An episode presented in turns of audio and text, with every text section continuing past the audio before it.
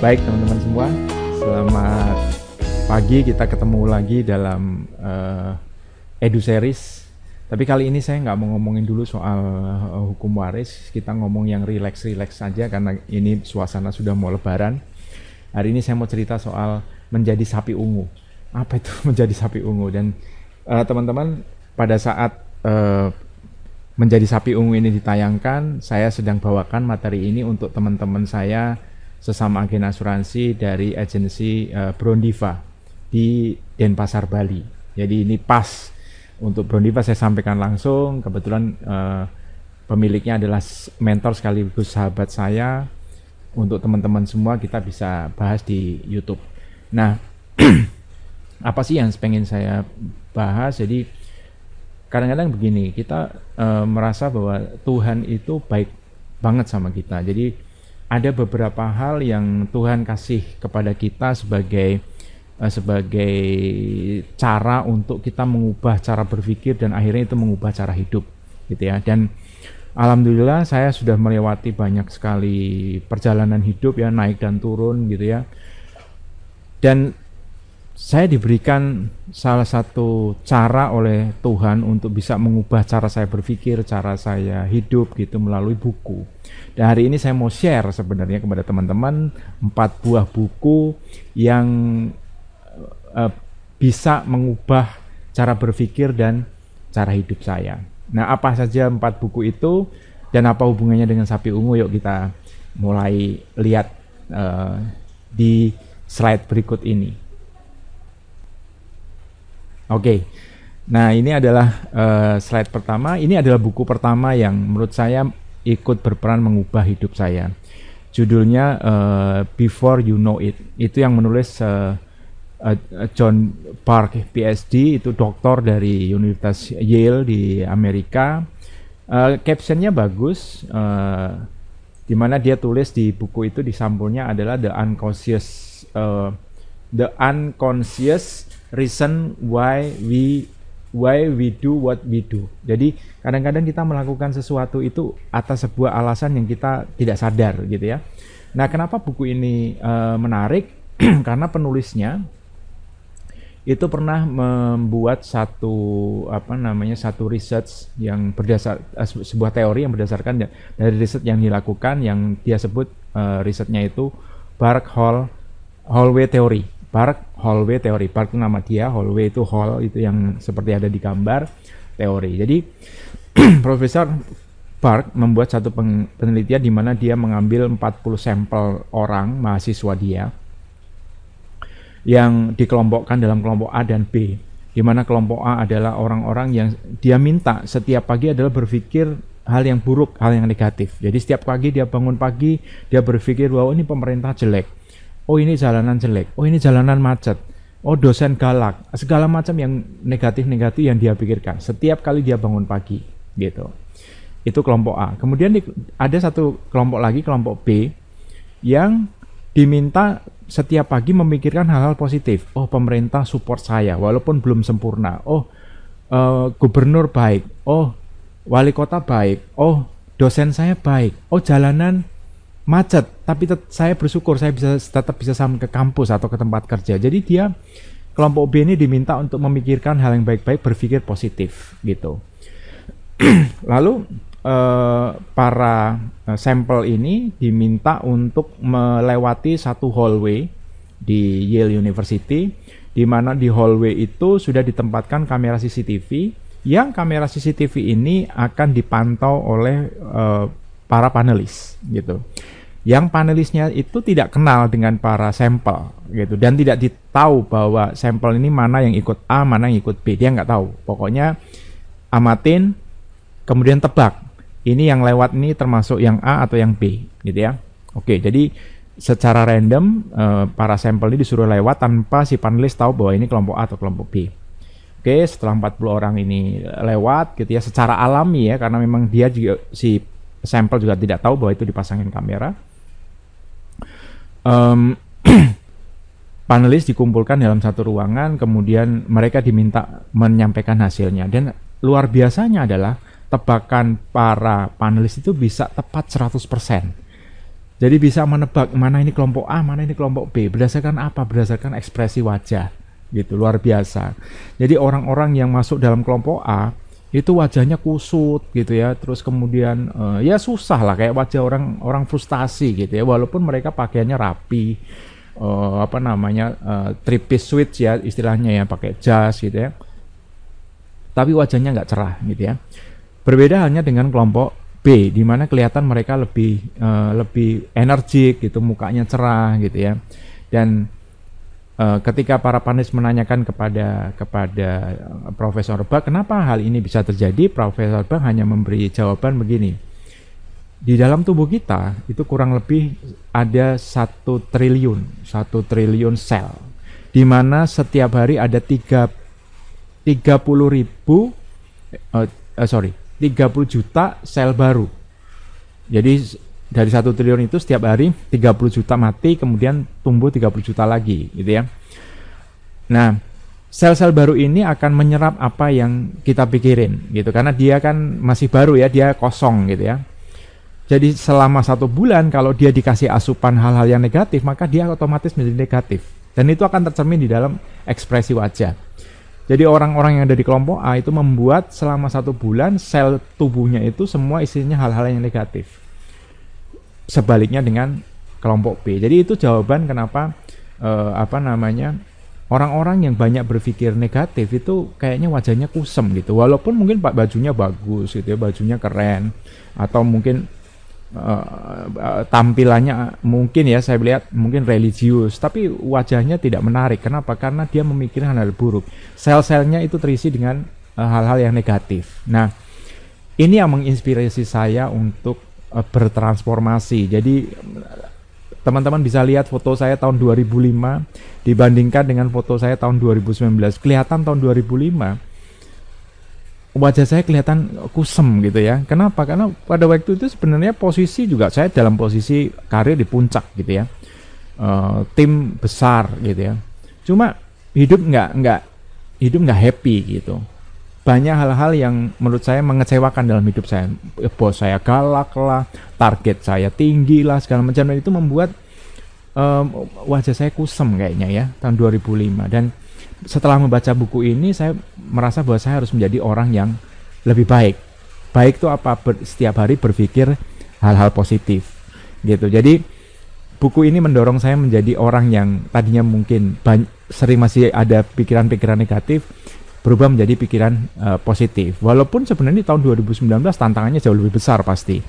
Karena saya harus gaji karyawan, sebagai pengusaha harus menjalankan usaha saya, tapi karena inspirasi dari buku ini membuat saya tetap berpikir positif gitu ya dan alhamdulillah saya merasa saya melihat foto saya jauh saya lebih jauh lebih seneng karena saya kayak merasa saya lebih fresh gitu ya. Itu buku yang pertama. Kemudian uh, ada buku yang kedua itu judulnya Good to Great. Jadi dari bagus menjadi luar biasa gitu ya. Jadi apa sih uh, apa inspirasinya? Nah, buku ini uh, kebetulan kalau yang buku ini sudah ada terjemahannya dalam bahasa Indonesia, teman-teman bisa dapatkan di toko buku. Ini sudah dalam bahasa Indonesia. Jadi kita bacanya jauh lebih enak gitu ya. Apa inspirasi yang saya dapat dari buku ini adalah kisah tentang orang ini Nah, saya kira teman-teman mungkin sudah pasti sudah kenal ya orang ini ya. Uh, ini adalah Michael Jordan, uh, pemain basket uh, eh, NBA dari Chicago Bulls. Dari seragamnya kelihatan dan dia sudah beberapa kali meraih uh, Most Valuable Player, satunya itu gelar terbaik pemain basket di uh, pemain basket profesional di dunia. Apa inspirasi yang saya dapat dari dia? Dia adalah termasuk orang yang dekat sama bapaknya jadi mungkin teman-teman sudah tahu kalau nggak salah tahun 1993 dia memutuskan untuk pensiun. Kenapa? Karena dia uh, apa namanya ngedrop ya, karena bapaknya meninggal dunia pada tahun itu. Dan bapaknya meninggal dunia karena dibunuh oleh perampok yang merampok si bapak itu waktu bapaknya lagi ada di rest area. Jadi bapaknya tuh uh, apa namanya dirampok kalau nggak salah bulan Mei dan mayatnya baru ditemukan bulan Agustus. Jadi itu membuat uh, Michael Jordan drop banget sehingga dia memutuskan untuk udah kayaknya harus pensiun gitu karena dia deket banget. Nah, ada satu cerita tentang Michael Jordan dan bapaknya ini di mana kedekatan mereka dan tapi cerita ini masih ada yang berdebat ini hoax ini nyata tapi saya apa pun itu saya ambil ini hikmahnya ya ceritanya ada hikmahnya jadi suatu kali um, ayahnya membawa satu lembar t-shirt dan bilang kepada Michael Jordan kecil bisa nggak kamu ini t-shirt harganya satu dolar kamu jual dua dolar. Gimana caranya? Gitu Michael Jordan mikir gimana ya caranya ya? Lalu apa yang dia lakukan? Dia cuci baju itu dia setrika rapi dia masukin plastik. Kemudian dia jual ke flea market gitu ya eh, pasar pasar loak dan ternyata dia tawarkan harganya 2 dolar dan itu laku. Dan Michael Jordan kecil pulang ketemu bapaknya dia bilang pak aku happy. Kenapa? Karena aku bisa jual ini 2 dolar. Oke besok paginya bapaknya kasih kaos yang kurang lebih sama. Bapaknya bilang ini kamu bisa jual nggak 10 dolar? Gitu. Mikir dong gimana? Kemarin itu 2 dolar aja lumayan gitu kan. Bagaimana caranya bisa jadi 10 dolar? Nah, dia terinspirasi oleh adik-adiknya yang sedang nonton film Mike, Mike, uh, Mickey Mouse, gitu ya. Jadi waktu itu Mickey Mouse lagi ngetren ngetrennya dan dia berpikir, aha, dia apa yang dia lakukan, dia gambarin kaos itu dengan tokoh Mickey Mouse, gitu ya, dia warnain pakai cat uh, cat untuk apa namanya cat poster gitu ya. Terus kemudian dia jual kepada teman-teman adiknya 10 dolar dan itu laku, gitu. Dan dia pulang bilang kepada bapaknya, Pak, aku bisa menjual kaos ini 10 dolar. Bapaknya happy tapi belum selesai. Besok paginya bapaknya bilang ini kaos yang hampir kurang lebih sama, bisa nggak kamu jual 100 dolar? Gimana ya? 2 dolar, 10 dolar, tiba-tiba 100 dolar. Gimana caranya gitu? Nah, Michael Jordan kecil menemukan satu aha ketika dia tahu bahwa ada salah satu pemain uh, film Charlie Angels yang namanya Farah Fawcett ya, bintang terkenal ya. Datang ke kotanya gitu ya di hotel gitu kemudian mengadakan jumpa fans. Nah seperti biasa kan isinya fansnya semua kan.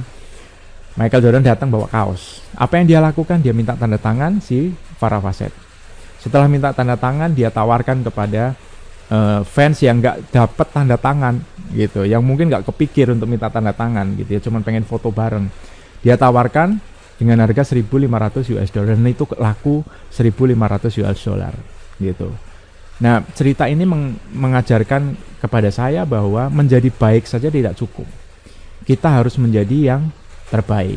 Itu yang membuat uh, apa namanya? saya berusaha untuk menjadi yang terbaik dalam posisi apa pun ketika saya bekerja dulu bikin Mr. Black kemudian di asuransi ini. Dan waktu di asuransi saya sering tanya kepada para senior-senior saya apa sih tingkatan terbaik menurut uh, apa namanya uh, di industri asuransi gitu kan katanya kamu harus jadi MDRT. Jadi pada tahun ketiga saya bergabung di industri asuransi dari agent, saya berusaha untuk bagaimana caranya bisa menjadi MDRT dan saya bisa mendapatkan itu pada tahun 2018 dan 2019, teman-teman. Nah, uh, itu ya. Jadi menjadi baik itu tidak cukup. Kita harus menjadi yang uh, terbaik, gitu ya. Sehingga tahun 2019 saya uh, bisa menjadi uh, MDRT lagi tahun 2019 setelah 2018 juga dapat nah tapi belum selesai ternyata belum selesai pada tahun 2019 eh, karena predikat MDRT itu saya mendapat reward untuk bisa dapat jalan-jalan ke Sydney di Australia dan di sana berkumpul dengan 400 orang MDRT lainnya dari perusahaan asuransi tempat saya bekerja sama. Kami waktu itu diajak gala dinner. Dan gala dinernya itu di town hall di balai kotanya kota Sydney. Ini suatu kesempatan yang langka karena tidak semua orang bisa pakai town hall itu. Saya masuk ke situ kemudian saya berkumpul dengan 400 orang MDRT lainnya dari seluruh Indonesia dari perusahaan asuransi tempat saya bekerja sama gitu ya dan apa yang terjadi? Ini foto dokumentasinya. Teman-teman bisa menemukan kira-kira saya ada di mana. Bahkan saya sendiri saya lupa saya ada di sebelah mana gitu ya. Dan hal yang kedua yang menjadi perenungan di dalam pikiran saya adalah apa bedanya saya dengan 400 orang yang ada di dalam ruangan ini gitu. Jadi kalau saya tidak ada bedanya dengan teman-teman saya ini maka ya saya tidak akan bisa dikenal gitu. Saya tidak akan menjadi orang yang bisa dapat remark jadi kalau tadi biasa menjadi luar biasa Ternyata luar biasa pun tidak selesai. Saya harus menjadi orang yang remarkable. Di mana saya kalau ketemu orang bisa dapat remark dari mereka. Orang itu ingat mencatat saya gitu. Kira-kira seperti itu. Nah, saya teringat pada satu cerita mengenai uh, apa namanya di dalam buku yang nanti saya akan sampaikan kepada teman-teman, saya tunjukkan kepada teman-teman. Uh, ini bukunya, uh, ini sampulnya juga, eh sorry kebalik ya, bener ya kebalik, sorry. Nah ini sampul bukunya, ini bukunya ada di samping gitu ya.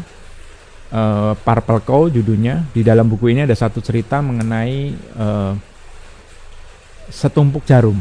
Jadi ada satu perusahaan konveksi menginginkan untuk um, apa namanya bidding atau uh, lelang ya, lelang untuk perusahaan jarum bisa suplai kepada mereka. Maka berdatangan perusahaan jarum dari seluruh penjuru negeri membawa contoh jarumnya.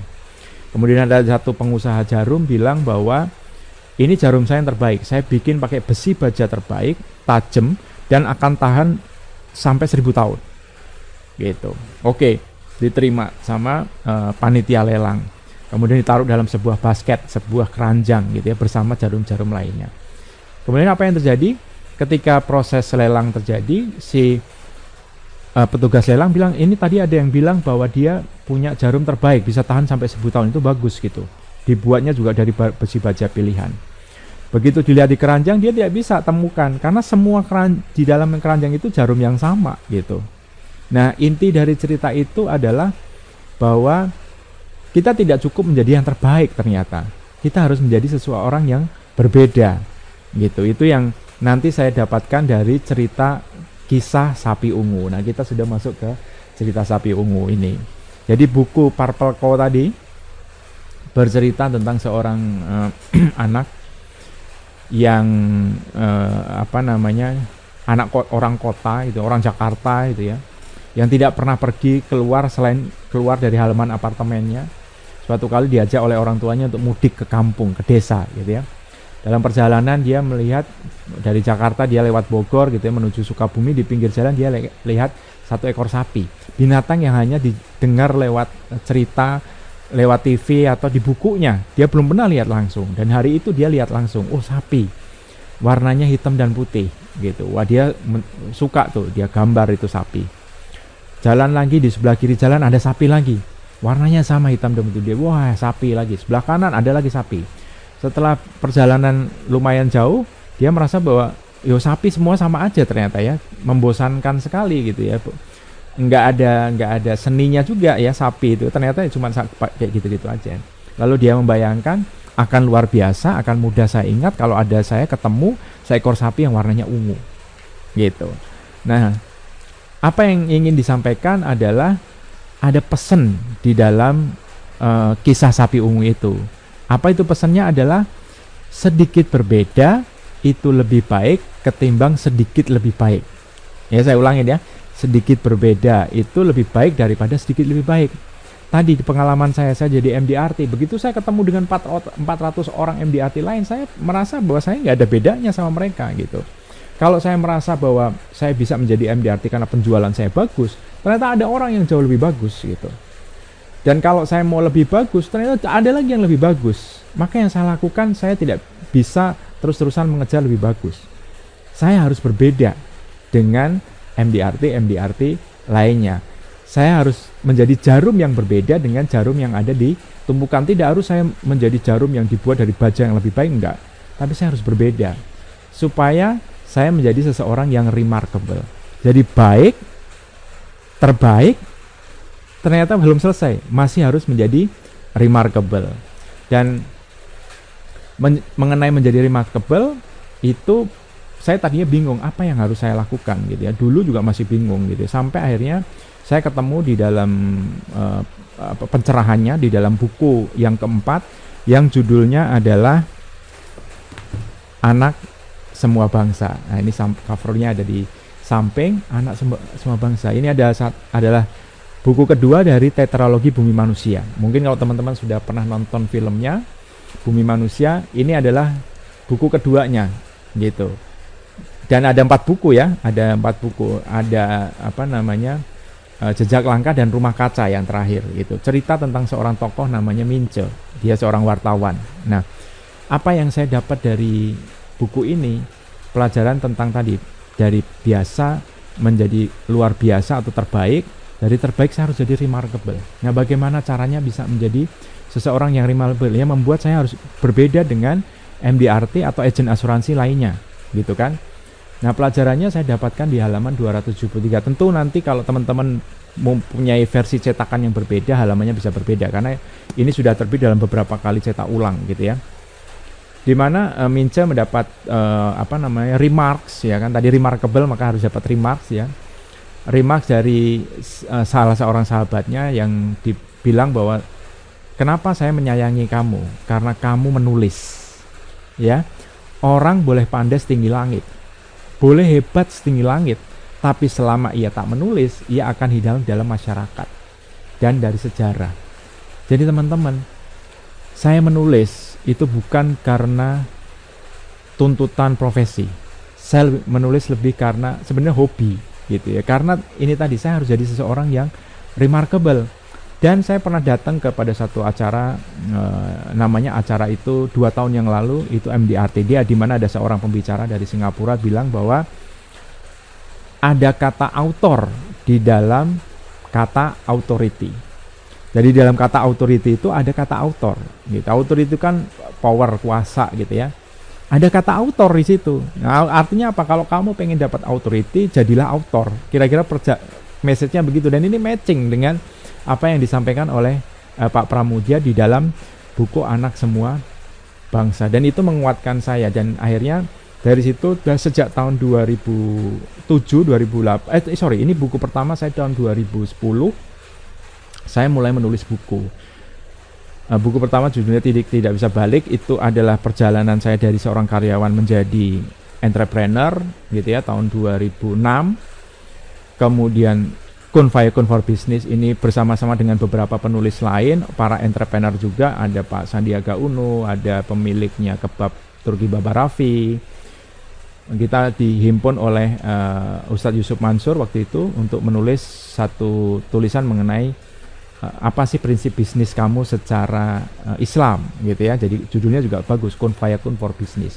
Kemudian buku ketiga itu tahun 2015 2015-2016 gitu ya judulnya Istana di Tengah Parit itu cerita soal bisnis baru saya bersama istri membangun agensi asuransi dan buku saya yang terakhir tahun 2008 eh 2019 kemarin terbit Hartamu bukan hartamu itu pengalaman saya membantu nasabah menggunakan ilmu perencanaan waris. Nah, itu yang apa namanya eh, mengilhami saya dan itu beberapa karya yang saya hasilkan karena saya terilhami oleh itu. Apakah itu saja menjadi berbeda? Enggak, gitu ya. Ada kata satu quotes lagi di dalam uh, buku um, anak semua bangsa itu yang cukup menampar saya, yang itu membuat saya harus menjadi seseorang yang berbeda, MDRT yang berbeda, MDRT yang tidak biasa-biasa saja. Apa itu? Quotesnya bunyinya begini, ada di halaman 389 ketidaktahuan adalah aib. Jadi kalau Anda tidak tahu dan Anda nggak mau tanya, itu aib gitu ya. Sesuatu yang memalukan gitu. Tetapi membiarkan orang ingin tahu tetap dalam ketidaktahuan itu hianat. Nah itu yang mendorong saya selain menulis buku gitu ya menulis ya segala hal yang saya tahu di ya, sosial media saya juga mengajar nah itu yang apa namanya mendasari kenapa saya nggak cuma mengajar di agensi saya sendiri tidak cuma mengejar di industri eh, di perusahaan asuransi tempat saya bekerja sama tapi saya juga share ilmu saya kepada teman-teman di industri. Karena saya tidak mau berkhianat. Saya tidak bisa membiarkan orang yang ingin tahu tetap berada dalam ketidaktahuan. Yaitu karena itu khianat gitu ya. Nah itu teman-teman uh, apa namanya prinsip yang kemudian mer saya merasa itu mengubah hidup saya jadi saya tidak merasa pernah harus terintimidasi karena teman saya punya prestasi atau ada orang lain yang hebat di bidangnya gitu enggak. Kita bisa hebat di bidang kita masing-masing gitu ya. Yang penting adalah sebagaimana kontribusi kita kepada peradaban, kontribusi kita kepada community. Itu yang membuat kita naik satu level lagi dari biasa menjadi luar biasa atau yang terbaik menjadi seorang seseorang yang remarkable jadi orang akan mengingat kita, meremarks kita sebagai orang yang punya kontribusi ke dalam kesuksesan mereka. Saya berharap menjadi orang seperti itu. Gitu teman-teman. Nah, itu saja empat buku yang tadi saya bisa share. dan kenapa saya merasa dikuatkan karena saya dulu saya lihat foto saya tahun 2000 ini tahun 93 9 ya 92 93 saat saya masih kuliah di kamar saya saya pernah pasang poster yang judulnya You Are Nobody Property. You are yourself. Anda adalah Anda sendiri, gitu. Jadi kalau Anda pengen jadi seseorang yang remarkable, ya jadi diri Anda sendiri. Tidak harus Anda menjadi seperti ini atau seperti itu. Anda ada sendiri. Jadi kita prestasi, kita ciptakan prestasi-prestasi kita sendiri. Tidak usah merasa terintimidasi oleh prestasi orang lain. Kita punya kehebatan sendiri, gitu. Dan di dalam uh, pekerjaan kita, ya harusnya kita yang mengerti di mana kita hebatnya. Jangan sampai kita merasa kita berbeda tapi kita sebenarnya nggak hebat ya, cuma sekedar berbeda aja. Nah itu yang uh, apa namanya uh, sebenarnya kurang kurang baik ya gitu ya menurut saya. Nah itu teman-teman yang saya bisa share. Jadi ada empat buku tadi, empat buku yang bisa teman-teman mungkin baca gitu ya. Saya rekomendasikan teman-teman baca. Mungkin bisa mengubah hidup teman-teman juga. Saya tidak tahu. Tapi buku itu, buku-buku itu bisa mengubah cara berpikir dan hidup saya gitu nah itu saja teman-teman uh, edu series kali ini semoga ini bisa menjadi inspirasi buat teman-teman semua kita bisa memberi kontribusi lebih tidak di industri tempat kita bekerja di community tempat kita berada gitu tanpa kita harus terintimidasi oleh prestasi-prestasi orang lain kita berperang di medan peperangan kita sendiri gitu nah teman-teman Semoga mendapatkan sesuatu dari video ini. Terima kasih sudah menonton Edu Series dan kalau Anda mendapatkan sesuatu dari video ini jangan lupa klik like, share dan subscribe. Oke. Terima kasih. Sukses untuk kita semua.